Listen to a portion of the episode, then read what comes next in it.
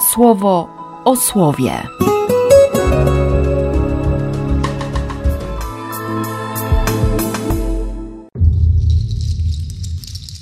17 lipca, sobota. Z Księgi Wyjścia. Synowie Izraela wyruszyli z Ramzes w kierunku Sukkot. Samych mężczyzn idących pieszo było około 600 tysięcy, nie licząc dzieci. Szła też z nimi wielka mieszanina różnych ludzi oraz owce, krowy i ogromna ilość wszelkiej zwierzyny. Upiekli sobie z pszennego ciasta, które wynieśli z Egiptu, przaśne podpłomyki. Ciasto nie skwaśniało, bo popędzali ich Egipcjanie. Nie mogli dłużej zostawać i nawet nie przygotowali sobie na drogę żadnego jedzenia. Pobyt synów Izraela w Egipcie i w krainie Kanaan trwał 430 lat. Po tych 430 latach całe wojsko Pana wyszło z Egiptu. W nocy czuwali przy Panu, także mógł ich wyprowadzić z Egiptu. Ta noc była czuwaniem przy Panu i tak ma być przez wszystkie pokolenia u wszystkich synów Izraela. Z Ewangelii według świętego Mateusza. Faryzeusze po wyjściu powzięli przeciwko niemu postanowienie, że go zabiją. Jezus jednak, wiedząc o tym, odszedł stamtąd. Za nim poszło bardzo wielu, uzdrowił ich wszystkich, lecz upominał ich, żeby go kimś sławnym nie robili. Tak spełniło się słowo wypowiedziane poprzez proroka Izajasza: Oto mój sługa, którego wybrałem, umiłowany mój, w którym dusza moja złożyła swoje pragnienia. Położę na nim ducha mojego i wyrok narodom ogłosi. Nie będzie się spierał, ani głosu podnosił, i nikt na ulicach jego krzyku nie usłyszy. Trzciny uszkodzonej nie dołamie i tlącego się knota nie dogasi, zanim wyroku nie pośle po zwycięstwo. W jego imieniu narody znajdą nadzieję. Mnie dzisiaj osobiście w tym słowie zatrzymują teksty, których nie ma w czytaniach.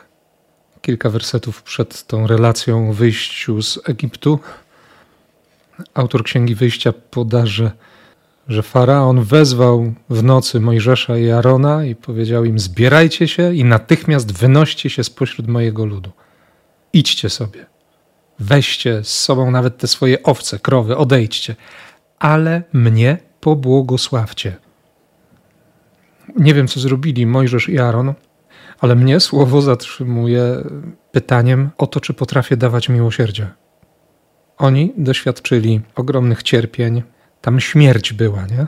I teraz faraon nagle przekonał się, że Bóg drwić z siebie nie pozwoli, jak napisze potem święty Paweł w, w liście do Galatów 6:8 bodajże, że życie w śmierci prowadzi do śmierci i mimo wszystko prosi o błogosławieństwo.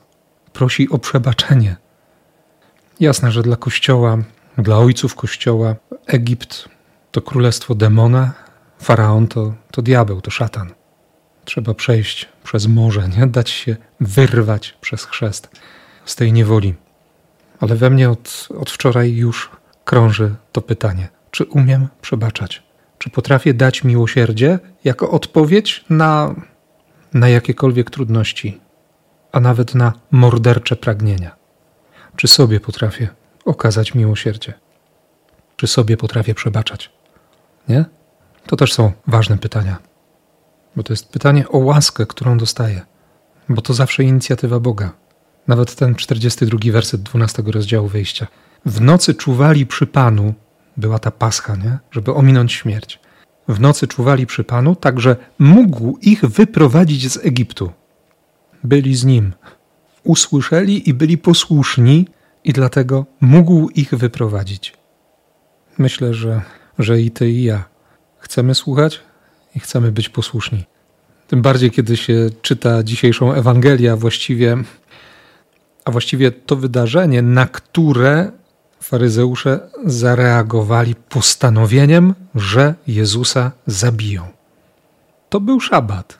W synagodze jest człowiek, który ma drętwą rękę. Nie może nikomu podać ręki, a może nikt do niego nie chce wyciągnąć ręki. Czy wolno w szabat uzdrowić?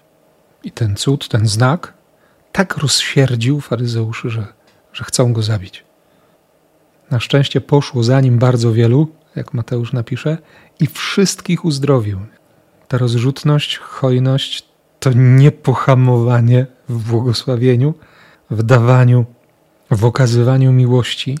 To jest coś no, no niesamowitego. Spełnia się słowo. Bóg dotrzymuje słowa. Nie? Bóg jest wierny. Dał obietnicę i się z niej nie wycofał. Dlatego chcę go dziś na nowo błogosławić. I jednocześnie, jak to często bywa, przyjąć błogosławieństwo, wziąć łaskę, wydostać się z Egiptu, zrobić wszystko, żeby On mógł mnie stamtąd wyprowadzić.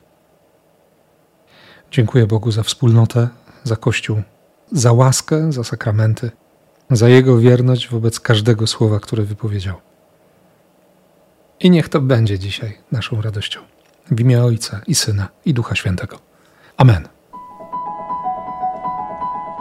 Słowo o słowie.